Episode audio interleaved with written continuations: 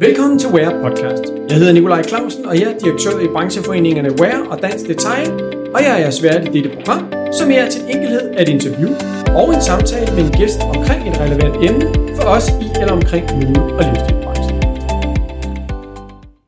I dag har jeg besøg af Ulrik Bang, som er markedschef på klima, energi og miljø herinde i Dansk Erhverv. Og vi skal have en snak omkring energipriserne sådan i himmelflugt, og hvad det er for nogle strukturer, hvad det er for nogle grundlæggende mekanismer, der ligger bag, hvorfor at priserne øh, udvikler sig sådan, og hvordan de eventuelt øh, kan afvikles igen. Ulrik, øh, tak for, at du vil komme på besøg. Selv tak. Kan du ikke lige starte med en kort præsentation af dig selv, så vores lyttere er helt med på, hvem det er, jeg har med i den her podcast i dag? Det kan du tro. ja, men jeg hedder som sagt Ulrik Bang og er markedschef her i Dansk Erhverv. Jeg har øh, hele mit liv, sådan rent arbejdsmæssigt, har jeg haft fokus på energi og klima og grøn omstilling, og, øh, og øh, så man kan vist godt sige, at jeg er lidt af sådan en energinørd, øh, inden for det her felt i hvert fald. Super godt, Ulrik. Tak for en kort, præcis præsentation. Skal vi ikke bare komme i gang?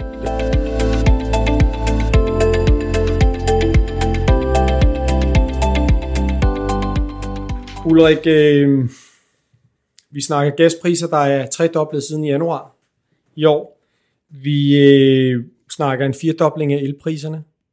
Vi kigger ind i diesel-benzinpriser, der ligger sådan og svinger lidt omkring 15 kroner, 14 kroner literen. Nogle gange er det dyrere, nogle gange lige smule billigere. Det er jo nogle enorme udgiftsstigninger på driften af ens virksomhed, og ligesom for at kunne holde den gang, næsten uanset hvilken virksomhed man har.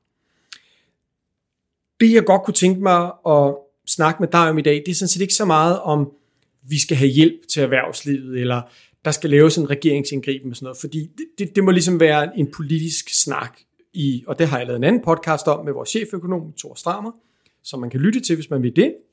Det jeg godt kunne tænke mig at spørge dig om i dag, og måske gøre vores lyttere klogere på, det var den indledning om, hvorfor er priserne, som de er? Jeg ved godt, der er mange ting, der spiller ind, og endnu vigtigere, hvorfor kan man ikke bare lige fikse det? Altså, forstår du lidt, hvad jeg mener? Fordi, ja. Og jeg, jeg skal jo sige til lytterne, jeg var jo til et møde, hvor du lagde en øh, fremvisning omkring, hvordan det var. Og jeg blev enormt inspireret af det, og det var også derfor, jeg tænkte, straks jeg måtte have dig i studiet her til en podcast omkring det, fordi det viser faktisk, hvor kompliceret det her det er. Og det ikke sådan bare lige er et quick fix. Øh, jeg tror heller ikke, at lytterne tænker, det er sådan. Men kunne du ikke prøve en gang at starte lidt og, og fortælle lidt omkring, hvor vi er henne, og hvorfor vi er i den situation, vi er i dag? Jo, det vil jeg meget gerne, og tak for, tak for de fine ord, øh, Nikolaj. Man kan sige, øh, hvorfor har vi høje priser? Øh, det helt korte, simple svar, det er krig i Europa. Okay. Det er den russiske invasion i Ukraine har affødt, at man har lavet sanktioner mod Rusland. Det Rusland har gjort, det er, at de er stoppet, på at sende, stoppet med at sende gas til Europa. Ja. Og i Europa, der har vi kan man sige, måske lidt hovedløst, det vil jeg i hvert fald sige, det er der rigtig mange, der er enige i, der har vi lavet os være meget afhængige af billig russisk gas. Og når den billige russisk gas forsvinder, så skal du ligesom have den næste vare på hylderne, og så er der altså ret langt op på den, den hylde, der er den næste hylde, for at få noget rent på priskurven. Så derfor er det dyre. Så det er sådan, den korte forklaring, det er øh, den russiske invasion i Ukraine. Så der er simpelthen, kan man sige, den har simpelthen affødt, at der lige pludselig er et energi mangel, eller i hvert fald tilgang til ja. billig energi, ja. som har været gassen. Ja, og man kan sige, at det der sker, det er, at øh, det er sådan set ikke fordi, der rent fysisk mangler gas, men, men, men energimarkedet, at det er jo ligesom på alle mulige andre markeder, øh, korn og tøj og så videre, hvad det nu måtte være for et marked, du er på, at, at når der er knaphed, så stiger prisen. Okay. Øh, det er jo bare noget efterspørgsel, så stiger prisen. Så det er jo ikke fordi, du ikke kan få gas, det kan du faktisk godt. Det er bare meget, meget, meget, meget dyrt. Øh, og det sætter jo nogle spor i økonomien. Så gasprisen, den stiger, fordi at man faktisk lukker den fysiske tilførsel til Europa fra Rusland, og så stiger prisen. Øh, så det er sådan en ren markedsmekanisme? Det er ren marked. Det er okay. ren marked. Så man kan sige, og hvad så med elprisen? Øh, hvorfor stiger den så også? Og, og det er så fordi, man rent faktisk bruger øh, gas til at lave el. Altså, du har et kraftværk, du har en gasturbine, øh, som varmer vand op, og så har du en turbine, hvor dampen går ind i, som så producerer strøm. Så når gassen er dyr, så bliver den elektricitet, du producerer på gas, jo også dyr. Øh, og den måde elmarkedet fungerer på, så er det sådan, at kan man sige, det er det dyreste anlæg, der sætter prisen for okay, alt så, den så lige strøm. Prøver, hvis vi lige tager, ja. lige inden vi går i gang med elen. Ja. Hvis vi lige prøver at gøre gassen færdig. Fordi der må være andre, der laver gas. Er det simpelthen fordi, at alle andre så producerer gas til en helt anden pris, eller er de bare, nu siger jeg bare noget grove, og benytter sig af, at hey, Ja, men man kan nu sige, kan vi få mere for den, fordi nu Ja. ja. underbyder Rusland os ikke. Man kan sige, altså olie som et sammenligneligt produkt, det kan du fylde op et tankskib og sejle hen, hvor vil du, hvor, hvorhen du vil, stort set. Ja. Og der har du ligesom et marked, hvor at, at der kan et land, jo hvis du får noget olie, der falder ud af altså forsyningerne, så vil prisen også stige. Men gas er anderledes, fordi rigtig meget af den gas til Europa er ført med ledninger, med rør. Så det er sådan set bare nærmest uh, intravøst. Ja, altså, det er ja nærmest bare fuldstændig. Ikke? ført Man er, nærmest, du ved, man er jo sådan en gasjunkie, kan man sige, i Europa har været ja. øh, afhængig af det. Øh, men du kan ikke lige pludselig sige, hvad skal erstatte det? Du kan ikke bygge et nyt rør til et andet land Nej, overnight. Øh, så er der også gas på tankskibe, men det marked med øh, flydende naturgas, hedder det også LNG, øh, liquefied natural gas, det er ikke særlig stort, det marked, og det kan ikke bare lige tage over. Nej. Det er så det ene, men det andet er, at det at lave flydende naturgas og sejle det øh, ind, det er dyrere end den billige russiske gas igennem en rørledning. Så derfor får du en, øh, en højere pris. Okay.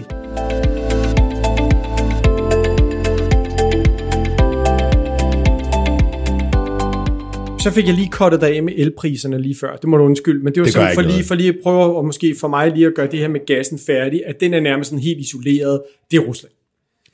Så, sådan er det. Lad os så for, nu spørger jeg dig bare om noget, som du bare skal svare meget kort på. Hvis man nu ligesom sagde, Putin siger, jeg stopper øh, krigen, jeg trækker alle tropper tilbage, de er væk om 14 dage, hvis I ophæver alle sanktioner og begynder at købe min gas igen. Vil det så få prisen til at falde med det samme? Jeg, jeg, nu skal jeg ikke tage stilling til, om det er realistisk eller ej, men vil det så bare direkte faktisk få prisen til at falde?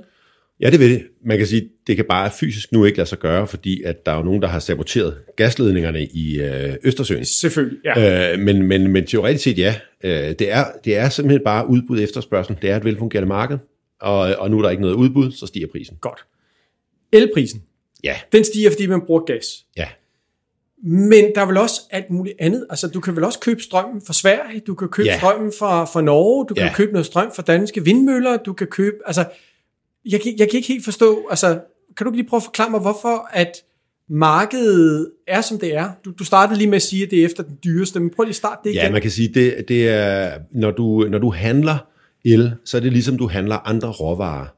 Så er prisen på et givet tidspunkt, lad os sige, om det er en tynd olie, eller om det er et ton hvede, eller hvad det nu er. Lad os så bare sige, det er 1000. det er 1000, og så koster alt 1000. Også det, der kun kostede 500 at producere. Fordi man simpelthen aftaler en markedspris. Jamen, det er det, der er på børsen. Ah, Så, så det er jo, det er jo, det, der er en elbørs, ligesom der er en råvarebørs. Så når du køber hvede, eller solsikkeolie, eller øh, svinekæber, eller whatever det nu måtte være, du købte på den der børs, det der er prisen i den time, det der, når du køber, det er ligesom det, der er prisen for alle. Så det er ikke afhængigt af, hvad det har kostet at producere din vare, det er, hvad prisen er på børsen. Sådan er det også på el, så det er jo den sidste, det er den dyreste, der sætter prisen for alle. Så det, at der er nogen, der, har, der er villige til at give 1000, for eksempel, nu siger jeg bare et eller andet Ja. kilowatt-time, nu Ja. siger jeg bare noget, Ja, så er det ærgerligt, at der er nogen, der godt kun vil nøjes med at give 800. ja. Det, det kommer bare ikke. Så længe der er nogen, der vil give 1000, er det det, du siger? Jamen, siger, så længe der er nogen, der siger, at jeg vil give, altså, ja. Så er det, der vil købe det til 1000, så får alle 1000. Det svarer til at sige, at du kan godt have nogen, der, altså, for eksempel hvis du siger, at du sælger t-shirts, øh, så kan du have, du, der kan være hvide t-shirts, der kan være, der, de koster alle sammen, den, den sidste t-shirt, der bliver solgt, de er alle sammen ens, lad os ja. Sige det.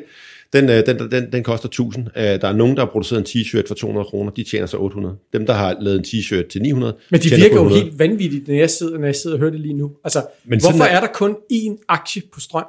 Der er jo heller kun én aktie på hvid t-shirt. Der vil jo være andre virksomheder, der udbyder så en hvid t-shirt. Ja. Som så vil underbyde og sige, "Nå, men jeg behøver ikke at tjene gange 8, jeg kan godt nøjes med at tjene gange 6,5. Yes. Så hvorfor er der kun én børs på el? Men det er der faktisk også på hvide t-shirt. Det er faktisk det samme. Det er netop signalet i markedet, det er at sige, gud, nu koster det så meget for strøm. Lad os så få bygget noget nyt. Lad os få bygget nogle anlæg, der kan producere noget strøm. Det er jo et signal til markedet om, at der er en knaphed. Okay, Så, så, så derfor går du i gang med at lave alternativer. det ved jeg godt. udbygge. Men hvorfor er man kommet i en situation, hvor der ikke har været nogen alternativer før? Men det er fordi, man har været så afhængig af gas. Så det er igen så det er, gassen gas, der. det er gasprisen, der, det er gassen, der sætter prisen, så det er det, der ligesom er ulykken. Hvis vi kigger sådan på, hvorfor er det, vi har så høje elpriser og har haft høje elpriser her i sommer, Så er der nogle andre ting, som også er spillet ind, som at sige, gas er den hovedårsagen. Ja. Men vi er jo blevet ramt i Europa af den perfekte storm, eller i Nordeuropa af den perfekte storm, Som er, som er, at øh, det danske elnet hænger sammen med Norge, Sverige og Tyskland øh, og Holland. Og hvis man bare tager Norge, Sverige, der øh, plejer vi at få billig strøm fra med vandkraft. Det, der er sket i Norge og Sverige, det er, at der har det været tørt, øh, og det har været meget lidt nedbør. Så de vandmagasiner, de har, er på meget lavt niveau. Det vil sige sig, så når Vattenfallen deroppe skal lave strøm, ja, så, så, så holder så, de er der ikke, igen. så holder de igen. Og det betyder rent faktisk, fordi de ikke har ret meget strøm. De skal jo have strøm til hele vinteren Ja. øh, i det vand, der nu er faldet. Så derfor vil de ikke sælge strøm, og derfor bliver den dyr. Altså, de holder simpelthen igen på deres ja. vandreservoirer. Selvom de godt kunne sende ud, så har de regnet ud med så mange øh, kubikmeter vand, vi har liggende. Ja. Hvis vi begynder at flotte ud Ja. nu, så mangler vi vand til vinter, Ja. til vores eget forbrug i Sverige. Ja, i så princippet. stiger prisen, øh, Ja. og du har også et meget højt forbrug øh, på grund af, af temperaturerne. Så det er de jævla svensker, som ikke... Øh, Ja, altså, de, det var for sjovt. Det, det, det, det vil jeg faktisk ikke sige. Jeg vil mere Nej. sige, jeg tror mere, man skulle kigge til Tyskland, øh, hvis man skulle noget, men det, er så, det kan jeg tage senere. Okay. Det andet er, så det er bare for at sige, nord for os, hvor vi plejer at få billig strøm fra, der har du faktisk haft mindre produktion, fordi du har, kan man sige, haft mindre nedbør. Ja. Plus du har haft øh, en varm sommer. Syd for os, der har vi øh, det tyske elmarked, som betyder rigtig meget for prissætningen i Danmark. Det er afhængigt af at importere strøm fra Frankrig. De plejer at få rigtig meget strøm fra Frankrig, fra deres atomkraftværker. Rigtig meget af den franske flåde af atomkraftværker, 70% af den franske strøm kommer fra A-kraft. Hold da. De regner med i år kun at producere halvt så meget strøm, som de plejer. Så det vil sige, at de har knaphed for, på el i Frankrig, fordi de, skal, de har taget en masse kraftværker ud, fordi de skulle repareres til, til vedligeholdelse. Derudover har de også haft problemer med, at du har haft manglende kølevand, fordi der er floder, der er udtørret, det har været meget varmt, du har også haft et højt forbrug. Det vil sige sig, altså igen, det er det samme, hvis du har en, øh, en, en stor efterspørgsel, det har du på grund af tørken, du skal have meget aircon kørende i Ja. Sydeuropa, Sydeuropa, ja. øhm, og du har en øh, produktion, der ligesom er begrænset, så stiger prisen. I Tyskland har de ydermere haft problemer med, at det de jo så har som erstatning af kul, det er også sejlet op af nogle af de tyske floder, som har været haft meget lav vandstand, så du har også haft udfordringer med forsyning af kul til kulkraftværkerne. Så du har haft en situation, hvor vi nordfra har vi haft manglende produktion, dermed højere elpriser. Sydfra, Tyskland, på, kan man sige, Frankrig. nordfra, det er ren energi. Ja, Sydfra, det har så været drevet af kul tidligere og Ja. atomkraft, Ja. som er ligesom sat på standby. Ja, og, men, og det der så siger, når du så ikke får atomkraften, det strøm, du så bruger i stedet for, det er gas, Ja. som er dyrt. Så, så det er det, der gør, at vi er, det er sådan en perfekt storm, vi er ramt af lige nu på elprisen.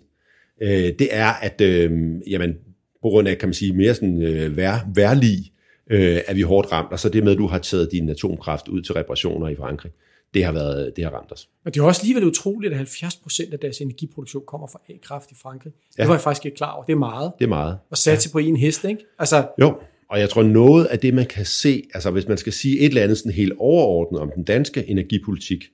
Den danske energipolitik startede med oliekrisen i 70'erne. Det var der, man fandt på energipolitik, så hele det var før fyldte det ikke ret meget. Men i 70'erne, i- og det er hele Europa og den vestlige verden, på grund af oliekrisen, så siger man, okay, hvad skal, det kan vi jo ikke, vi kan ikke være afhængige af Saudi-Arabien og, og olien fra. OPEC-landene. Så, så der lavede man energipolitik for første gang, og det der var sådan, det, det der stod på side 1 i lærebogen, det var, du skal diversificere dine forsyninger. Altså ja. du skal have mange energikilder. Ja. Du skal ikke være afhængig af én energikilde. ligesom vi andre siger, du skal ikke kun have online kunder, du skal også have fysiske kunder, du skal have kædebutikker, du skal have forskellige ting, fordi Lige hvis det ene lige pludselig oplever en Yes. eller anden form for stagnation eller Ja. tilbagegang, så har du Ja. nogle andre heste at satse på. Ja, det er gynger og karuseller Men simpelthen. gør Danmark så det? Det, det har Danmark faktisk været rigtig gode til. Vi har lavet rigtig meget fjernvarme, vi har lavet rigtig meget vind, vi har haft kulkraft, vi har haft biomasse, vi har prøvet alle mulige teknologier af, og, og nogle er jo lykkedes og kommet ind i stor skala, Ja. men vi har ikke kun satset på én hest. Nej. Øh, og derfor står vi også robust, og det vi også har gjort i Danmark, det er, at vi har været meget gode til at spare på energien. Så man kan sige, relativt set, at vinder Danmark konkurrencekraft i forhold til udlandet, eller i forhold til euro- europæiske lande, fordi vi er mere energieffektive. Øh, Spændende. men, øh, men jo ikke i forhold til USA og dem, der har lave energipriser, Nej. øh, skal man så huske. Ikke? Ja. Øh, fordi vi har jo også højere energipriser Ja. i Danmark i dag, end vi plejer. Så, så det, er, det er sådan set øh, prissætning på elmarkedet, øh, sådan helt kort. Det er, det, er, det er jo helt vanvittigt at høre. Så øh, det var en god lille indflyvning til det. Ja, og en ting, som er sådan meget sjov, altså hvis man kigger, en af de mest downloadede apps i øjeblikket, det er jo øh, elpriser.dk, hvor man kan følge med, hvad elprisen er. Og dem af jer, der sidder og lytter med, der har sådan en app, kan jo også se, at nogle gange så er prisen jo 0. Ja. I går om klokken 2, så var, var prisen 0. Ja. Og det er jo igen det her med, at det er jo, hvad det, hvad det koster at producere en kilowatt-time. Det melder man ind på en børs. Og så er det ligesom den sidste time, der sætter prisen. Og den måde markedet fungerer på, det er, at du melder ind, hvad koster det at producere en time. Og det er dine produktionsomkostninger. Og det er, jo, øh, det, er jo, det er jo driften af anlægget. Og det er sådan, at vindmøller og solceller, det koster noget at bygge dem. Det koster ikke noget at drive dem. Så når de Ej, først der er står noget der, vedligeholdelse. Jamen, det, det, det, det er der ikke. Altså, det er en sunk cost. Det vil, Nå, det, du okay. skal vedligeholde dem, om du producerer eller ej, skal du stadig vedligeholde dem. Nå ja, det er ret i. Det er så, ret i. Ja. så når vinden blæser, så producerer du strøm. Så det, det du gør på børsen, det er, så melder du ind, at prisen er 0. Og derfor oplever vi faktisk, at elprisen er 0. Og det man kan sige, så jo flere vindmøller og solceller, der er koblet på det danske elnet, jo flere timer vil du have prisen som 0. Så, så det er jo sådan det, der er, kan man sige, øh, de lande, som er, har rigtig, rigtig meget vind og sol øh, og andre teknologier, som føder ind med prisen 0, så er du lavere elpriser. Så der er vi også lidt hen på, hvad er løsningen så? Så er det selvfølgelig at skrue op for det. Skrue op for, for det grønne strøm og skrue ned for forbruget.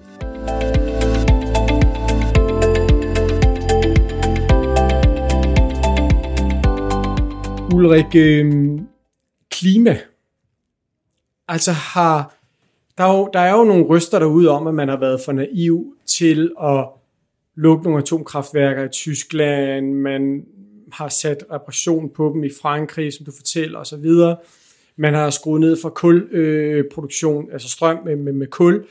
Har vi været for naive i den her grønne omstilling, eller øh, kan man være kold at sige, at det er Putin, der spekulerer i, at vi har taget nogle grønne tiltag? Altså, jeg ved godt, det hænger sammen, men, men har, vi været, har vi været for ivrige efter at komme i gang med den her grønne omstilling?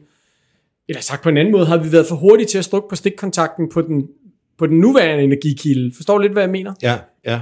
Det er et super godt spørgsmål. Øh, og Fordi det, det, det, det bliver ja. brugt også politisk, om ja. det er også for dumt det, men ja. er det reelt det, når du sidder som klimachef, altså, og skal prøve at være lidt, øh, lidt, lidt neutral i det her? Altså, hvor er, hvor er vi så henne, hvis ja, vi tager Danmark sige, først? Ja, hvis, jeg siger, hvis vi tager Danmark først, så øh, nogle beslutninger, vi har truffet, øh, altså Tyrefeltet, som producerer gas, øh, og en kæmpe stor gasproduktion i Danmark, øh, det er ude til reparation. Øh, og, Jamen det kommer snart op, ikke? jo, køre. det kommer så op næste år. Okay. Øh, det er blevet forsinket et år. Og så skulle man, have, skulle man have ventet med, at det skulle repareres. Øh, altså det skal hæves, fordi det var sunket. Det er jo svært at sige. Ja. Øhm, altså det er jo ikke en dum beslutning som Nej, sådan. At det er bare det dårlig timing måske. Det var, det var uheldig timing. timing ja. Dårlig timing. Og det samme kan man sige med de franske atomkraftværker. Øh, skal der ligesom vedligeholdelse på det? Det er jo også sikkerhedsopgraderinger. Ja, det skal det jo en gang imellem. Og det er jo heller ikke altså, noget beslutning, man tager fredag eftermiddag klokken 2, og så går man i gang med det. vel? Altså det er jo en... Så man kan sige, ja. på den niveau er der nogle ting, som er som jeg ved ikke kalde dumme, det er bare uheldigt. Ja. Øh, og det er sådan, det er. Ja. Øh, jeg kan sige, det der er jo dumt, det er, at man ikke har diversificeret, som jeg sagde før, øh, sin forsyning meget mere i Tyskland for eksempel. Øh, så, så der har man truffet dumme beslutninger. Det ja, Tyskland har sat det hele på et bræt, hvis man skal være lidt grov. De er kommet ind på casinoen, og så de set, derovre der er nogle gasledninger. Ja. Dem smider vi ja. hele... Ej, jeg gemmer lige, så jeg har til taxaen hjem. Ikke? Ja. Altså, det er lidt groft sagt. Ja. Ikke? Ja. Og så viser det sig lige pludselig, at, øh, at den ikke lander på, på gas, ikke? Ja, og det har været en fantastisk, og man kan også meget sige, det har været, altså den tyske økonomi har jo været bumstærk, bum, bum, bumstærk, ja. øh, blandt andet på grund af det her. Ja. Så, men, men, men det har ikke været en klog strategi. Nej. Øh, så det har været dumt, ja. øh, og det har man, det er der jo flere, der har sagt. Men, øh, det har du ret i. Det, så, og man ser jo alle de her klip, der kører ja, nyhederne nu, ja, hvor selv Donald Trump ja, har været ude at sige det, ja, hvor han blev nærmest latterliggjort, da han sagde det. Ikke? Ja. Men det var måske også måden, han fremlagde det på, altså, som også nogle gange... Ja, men altså, jeg synes, jeg ved ikke om øh, dem, der lytter med, som har set den der tv-serie Lykkeland omkring det norske olieeventyr. Der er jo faktisk et afsnit i sæson 2, som er ret interessant i den her situation, hvor den amerikanske efterretningstjeneste er oppe og snakke med de der øh, nordmænd, nordmænd. Omkring, omkring gassen, og de 70'erne, vi taler om, hvor at de kunne godt få lov til at, at få nogle licenser selv øh, draget tilbage til norske virksomheder, mod at de lavede en gasledning til Europa, så vi ikke fik russisk gas. Ja. Eller fra Sovjetunionen hed dengang. Ikke? Så det er bare for at sige, at den her konflikt og afhængighed af russisk gas, det er altså 50 år siden, man diskuterede ja. det første Og gang. det har, har amerikanerne sådan set haft fokus på i så mange år. I 50 år? Ja. Altså, som, og, som, som kritisk øh, ja, infrastruktur. Ja, så hvis der er noget, der er dumt, så er det den europæiske, og der kan man sige, der har vi også i Danmark et medansvar for at ikke have råbt op og sagt til tyskerne, hey, det holder ikke det her. Nej, men der er det jo igen det her med, hvor meget lytter de til ja. os, altså kan man jo sige, ja. ikke? Fordi ja. med al respekt for vores grønne omstilling, så er det måske lidt nemmere at sætte vindmøller op til 6 millioner mennesker, end det er til, til 80 millioner, ikke? Selvfølgelig, altså, lige præcis. Trods alt, lige altså, præcis. Og, og vi lige har præcis. rigtig meget hav ja. lige omkring. Ja. Altså, ja. Der, der er noget infrastruktur så, her, der gør det lidt nemmere for ja. os, altså var lidt grov, ikke? Altså selvfølgelig er det ikke nemt alle steder, vel? Nej, men, men, øh, men vi har nogle muligheder på, på, på, ja. på vindmøller, du, som vi du har udnyttet. før, om, vi havde, om, det var, om, det var, om det var en forkert beslutning med klima. Og der kan man sige, øh, det der er løsningen på energiregningen, er langt stykke hen ad vejen faktisk den samme løsning på klimaet. Det handler om, øh, hvordan kan vi få noget mere grøn strøm? Fordi, som jeg sagde før, så sænker det elprisen. Øh, det vil vi gerne have. Og for det andet, så er det, hvordan kan vi spare på strømmen, og incitamenter til at spare på strømmen og på gassen. Så man kan sige, og det er klimaløsninger. Så det med, øh, så, så løsningerne er de samme. Hvis man har gjort noget forkert, hvis man skulle sådan se fra min stol, så er det, at man politisk er meget optaget af at tale om mål og ambitioner og procentsatser. Det er ligesom, det fylder mere end at komme ned i maskinrummet og så sørge for, at det kommer til at ske. Så der rent faktisk bliver bygget nogle solcelleanlæg, eller bliver bygget nogle vindmølleparker, eller der bliver nogle ubiokratiske incitamenter til, at virksomhederne kan gå ind og spare på strøm. Øh, altså, så det er mere nede i maskinrummet, man måske ikke har været så god til at, sådan, at handle. Øh. Så man kan sige, hvis vi skal tage en lille bitte smule politik her, øh, selvom vi ikke, altså jeg ved godt, det hele er politik, øh, og nu er der jo valgkampen er skudt i gang, det kører der ud af, øh, så, og der hørte jeg for eksempel, at øh, til en debat i går, at Lars Løkke påpeger, at det er jo rigtig fint, at vi har alle de her målsætninger, som du også nævner, men noget af det står først klar om otte år. Altså hvis ikke der ligesom bliver taget nogle hurtige beslutninger. Er lidt den samme? Er det også det, du mener der? Han er også lidt inde på, at det kan godt være, at vi har teknologien, det kan også godt være, at vi skal bygge, men vi skal lige tage højde for, om vandgennemstrømmen er rigtig, og hvad har det påvirkning for sælerne, og mikrobiolog, og alt muligt andet, og naboerne, og høringer, og alt muligt, som gør, jeg siger ikke, det er forkert, jeg siger bare, det er bare med til at forhindre, altså forsinke det. Er det det, vi snakker om? Ja, og jeg tror ikke, altså det her handler sådan set ikke om, at du skal gøre noget, der gør ondt på frøen, eller vandsalamanderen, eller hvad det Nej. må være. Udfordringen er, at du gør tingene i rækkefølge, i stedet for at gøre tingene på én gang. Så, og, og at man har ligesom lagt et kæmpe stort statslig styring ind over det hele, så det sådan hele bliver sådan måske lidt for offentligt, i forhold til at sige, kan du ikke lægge nogle af de her opgaver over det på det private? Altså vi er jo i en situation nu, som er lykkelig, i den forstand, at når vi taler grøn strøm og vedvarende energi, så er det uden statsstøtte. Ja. Så, og når det ikke er statsstøtte, så behøver du sådan set, det du bekymrer dig om, det er, hvor hurtigt kan det gå? Ja. Så hvad kan du gøre fra statens side, for at det går hurtigt? I stedet for at sætte alle mulige regler op, øh, for at styre tingene. Det behøver du ikke. Men er der noget, er der noget europæisk udbudsregler her, vi kan komme klemme i? Eller kan man, kan man betragte sådan noget infrastruktur her, ligesom man kan med, med, med krigsmateriel, og ligesom sige, jamen der har vi simpelthen behov for, at der ikke er nogen, der ved, hvad det er, vi bygger, så derfor bygger vi det på et skibsværft i Danmark for eksempel. Ja, altså man kan sige, der, det er klart, når omkring infrastruktur og, og elinfrastruktur, det er kritisk infrastruktur, så der, skal du, der er krav til, øh, hvad må du sætte i, hvad, må du, hvad, for, hvad for nogle komponenter må du bruge. Øh, altså, og det men, men behøver det at komme i, i udbud i EU, for eksempel, hvis vi nu vil bygge en energiø, som der bliver snakket Jamen, du behøver ikke lave det som et udbud. Altså, du kunne sådan du set, bare lave altså, det. hvis du skal lave en fabrik, der laver t-shirts, så der, skal du ikke, den er jo ikke i udbud. Nej. Det er, at der er en virksomhed, som kører noget jord, Nå, fordi der er ikke så bygger de en fabrik, og så skal de overholde miljøregler eneste, og støjregler yes. og arbejdsmiljø, men det gør man faktisk selv. Fordi øh, der er ikke offentlige penge involveret nej, i det. Der er kun en offentlig godkendelse af, at projektet kan ligge der. Og, ja, ja, det er jo lokalplanen og så videre, ja. og det skal, det skal selvfølgelig være på plads. Og jeg tror, vi skal sådan set bare have flyttet tingene hen, så det bliver ligesom at lave en fabrik, der laver t-shirt. Altså jeg tror, der er mange, det kan da godt være, at jeg er den eneste, der ikke forstår det, men jeg tror, der er mange, der har tænkt, det her det er også noget, det offentlige bruger penge på. Og det er jo ret interessant faktisk for mig at høre, at her der snakker vi faktisk rent faktisk 100% privat. Funding. Det er rent privat. Ja. Og det betyder bare, at så skal man sådan set sige, at det offentlige skal sørge for, det er at sige, jamen kan vi gøre noget for, at det går hurtigt? Øh, ja. Altså, og helt konkret, vi har øh, siddet og regnet lidt på, hvis man, hvis man ligesom gav lidt mere los, eller sådan slap, slap foden fra bremserne, fra bremsen politisk, så er der jo private udviklere, som er villige til at bygge nogle havvindmølleparker. Øh, 6 gigawatt, øh, og det har vi så regnet på. Hvis, hvad, hvad vil der ske, hvis det kom? Jamen, det vil sænke elprisen 11 øre. Så siger man, 11 øre, er det meget? Det er 4 milliarder kroner om året øh, som den danske elregning vil blive kappet af med. Og 4 milliarder kroner i en skattelettelse til virksomheder og borgere, det er altså også noget, man kan tage med hjem. Ja, det er det. Øh, så, og det her, og det er jo noget, det koster ikke noget statsstøtte. Nej. Det er sådan set bare, set fra vores Plug side, and play. sæt i gang. Og man kan sige, at den teknologi, vi så opfinder, eller finder ud af at, at lave, enten med danske virksomheder, eller med andre virksomheder selvfølgelig, den kan man reeksportere og sætte op i Ja, Canada, jamen, USA, Det er jo så det andet. Altså, Mellemamerika, når hvor man har lyst til. Når man taler de her havvindanlæg, ikke, det er jo 5.000 arbejdspladser, hver gang du bygger en gigawatt, ikke? så det er jo 30.000 arbejdspladser. Så det er jo, altså, det er jo også, øh, og, det er jo, men det, og det her, det er jo ikke offentlige arbejdspladser. Nej, det er Og det er jo privat. ikke, og det er jo sådan bare privat. Det, ja. man skal gøre for det offentlige, det er, at man skal bare lade dem bygge. Og det svarer jo til at sige til, til, øh, til tekstilindustrien, at sige, ja, I må ikke bygge en fabrik, der laver t-shirt i Danmark. Det vil vi altså ikke have. Nej. Vi skal lige vente, vi skal lige finde ud af, hvor den skal være henne. Ja. Det, det, du kunne da måske godt være noget, undskyld, jeg siger det, jeg ved godt, jeg, jeg også repræsenterer tekstilindustrien, men, men det er klart, der kan jo godt være noget affaldshåndtering der, der gør, at man ikke lige har lyst til at lægge den i Danmark, men, men, men det er jo bare at skubbe problemet et andet sted hen. Her har vi jo så udfordringen i, at vi rent faktisk kan producere den her grønne energi. Så why not do it?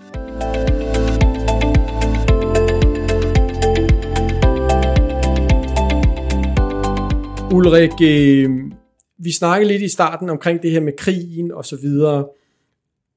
Er det din fornemmelse nu, at man i Tyskland så rent faktisk nu rent faktisk tager, kan man sige, skovlen over i den anden hånd, og rent faktisk begynder at gå i gang med at komme lidt væk fra den her gas? Eller tror du, de falder tilbage til patten, for at sige det lige ud, når krigen engang slutter om et halvt år, om et år, tre år, hvornår den slutter? Eller, eller hvad gør man? Altså, vel, altså hvis vi går ud fra, at gasledningerne dur, og der, og der ikke er sabotage på dem, og så videre, hvad, hvad, hvad, hvad, kommer vi til at se ind i? Jeg tror, man kommer til at se en omstilling af den tyske industri. Og man kan sige, det, det gør jo rigtig ondt på den tyske industri nu, og der er jo, og der er jo Ja, det kan man se mange, mange arbejdsløse Ja. i pipeline. Det, Og der er virksomheder, der overvejer, stålindustri, ja. Ja. der overvejer Ja. at lukke ned. Altså, Jeg tror, at, øh, at det man jo, altså det går rigtig hårdt ud af Tyskland nu, men det Tyskland jo også kan, det er, at man kan også innovere og udvikle. sig. jeg tror også, at da man kommer til at se nogle teknologiske gennembrud og, øh, og, og nye løsninger og måder at gøre ting på, specielt for Tyskland, øh, øh, på bagkanten af den her krise. Øh, altså man skal tænke på, at det er jo ikke kun en dansk eller en tysk, det er jo hele Europa. Altså det er jo hvad, verdens anden, tredje største økonomi, som bliver ramt af et chok på energi, som betyder, hvad kan vi gøre for at spare, for at udvikle grønne alternativer. Det, det teknologi- og innovationspush, det giver, det kommer til at give Europa et kæmpe forspring. Ja. Det betyder så også bare, når vi så kigger ind af sådan i en dansk kontekst, så kan det godt være, at vi sådan, synes, vi er langt fremme i dag. Det er vi også. Men vi kan lynhurtigt risikere at blive overhalet, hvis vi sover i timen nu. Fordi nu kommer der til at ske ekstremt meget i alle mulige andre markeder.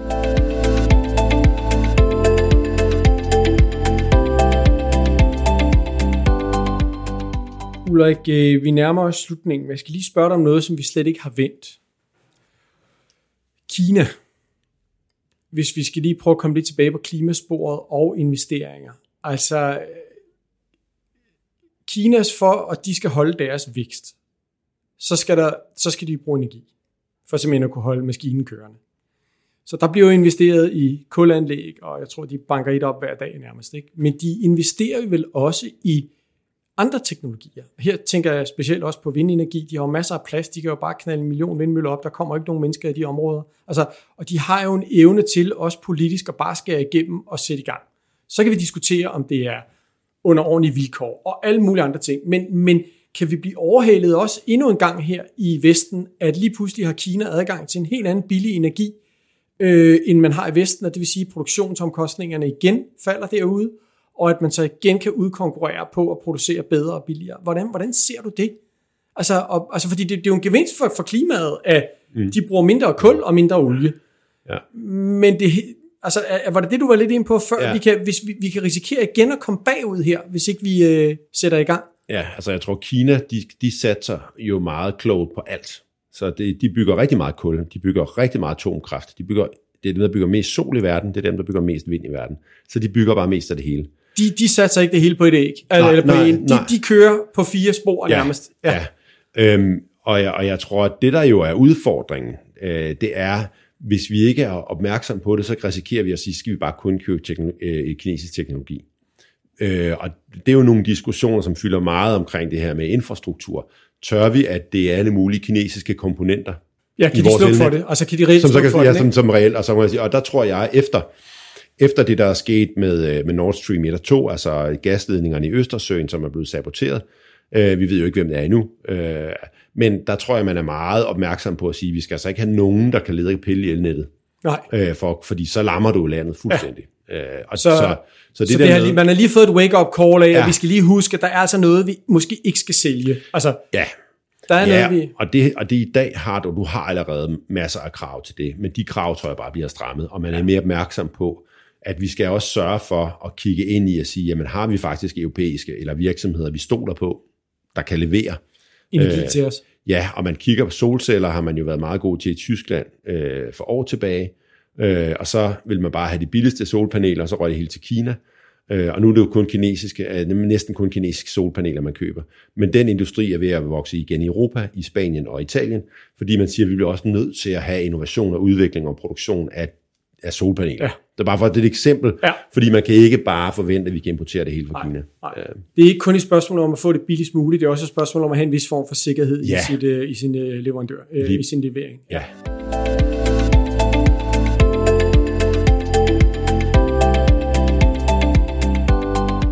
Ulrik, øh, vi er kommet til slutningen med lige et sidste spørgsmål, som jo vil være et rent gætteværk for dig. Hvornår øh, kommer vi til at se signifikant lavere elregninger, tror du, herhjemme i Danmark? Hvornår kan erhvervslivet sådan ligesom sige, okay, nu, nu, øh, nu sker der noget. Der er jo den ene, det er jo, hvis krigen stopper, så vil vi jo ret hurtigt opleve, at vi måske kommer tilbage. Men hvis nu den ikke trækker ud, hvornår vil vi så se, at vi får nogle mere stabile elpriser? Altså, jeg tror, vi vil se øh, stabilisering af elpriserne. De kører jo op og ned, men på, på makrotendensen, så handler for det danske elmarked, der handler det ret meget om, hvor meget vand er der i magasinerne i Norge og Sverige. Det kommer til at betyde ret meget, og de fandt franske A-kraftværker, hvornår de er online igen. Og alt tyder jo på, at... Øh, Tyrefeltet? Øh, ja, Ja. Men, det, men det har måske mindre betydning på gasprisen Okay. fordi det er trods alt ikke så stort et felt på den europæiske gas efterspørgsel. okay. Men på eldelen, franske atomkraftværker, vand i Norge og Sverige, hvis det ligesom er back to normal fra næste forår, så vil vi også se en normalisering af elpriserne. De vil stadig være højere, end det vi har været vant til, men det vil, det vil fjerne de der voldsomt høje elpriser, vi har haft. Øh, Det er mit bedste bud, men igen, det ved vi jo ikke, Nej. om der så sker havari på... Øh, Øh, der, var, altså, der var høje elpriser for, hvad det er, 3-4 uger siden. Det var så Ringhals 2, et atomkraftværk i Sverige, som var, var et havari, altså der var et uheld. Ja. Øh, så var det lukket ned. Det skal de selvfølgelig gøre, for Ja, ja, er sikkerhed vi tjekker, først. hvad der er galt her. Ja, ja, det er klart. Øh, men, men det betyder med det samme noget på elprisen. Så på den måde er, det, er man jo også sårbar, øh, og sådan er det bare. Ja. Øh, og jeg tror, det har det altid været. Nu lægger vi mærke til det. Ja. Ja. Fordi vi er så opmærksomme, alle sidder med appen og siger, gud, jeg skal ikke vaske i morgen. Netop. Øh, Eller vi sætter timeren til, Ja, ikke? ja. Øh, men, men jeg skal lige spørge dig om noget her, også jeg lige står og tænker på, at det er jo også tavligt lige, jeg havde sagt det var sidste spørgsmål. Øh, sådan rent teoretisk. Hvis nu vi ikke fik noget strøm fra Sverige og Norge og Tyskland osv., er Danmark selvforsynende med olie, og, og kan, vi, kan vi med vindmøller osv., kan, kan vi holde Danmark kørende uden at få noget udefra? Hvor, ham laver man sådan nogle beregninger, der hedder, ligesom i en butik, der har man en nulpunktsomsætning, hvornår begynder jeg at tage penge, ikke? Øh, har man sådan en, en, en nulpunktsenergi, hvornår begynder Danmark at tabe momentum, hvis ikke vi får noget udefra? Ja, altså det kan du godt. Du kan styre det. Det, det du rent faktisk gør, det er, at du lukker også produktion ude. Du siger så, så må vi lukke noget ned. Øh, er der nogen, der kan slukke deres fabrik? Øh, er der nogen, der kan slukke, de køler ikke deres kølelager osv. Så, så det er jo den måde, man styrer el, elnettet ja. på. Det er klart, at du har behov for at have en, en, en reservekapacitet øh, stående, men der er ikke nogen tvivl om, at vi i det danske elsystem, der har vi underinvesteret. Altså, der, okay. bliver, der bliver bygget for lidt. Øh, altså man kan sige, det skal, problemet her skal også bygges væk. Altså det er sådan set også at få sat noget mere op. Øh, Okay, godt. Jamen, øh, Ulrik, ved du hvad? Øh, jeg vil sige tak for, at du kom. Jeg, jeg håber, at vi har fået en god snak omkring, hvor kompliceret det her det er, og jeg tror også, at lytterne godt ved, det er kompliceret, men det jeg synes i hvert fald, det er rart at lige få en snak omkring, hvad, hvad det rent faktisk, hvad det er, der ligger bag de her ølpriser. Og øh, så vil jeg jo sige til jer andre også derude, at øh, husk, vi har andre afsnit, episoder af podcast, I kan lytte til, og der er flere på vej. Tak for i dag.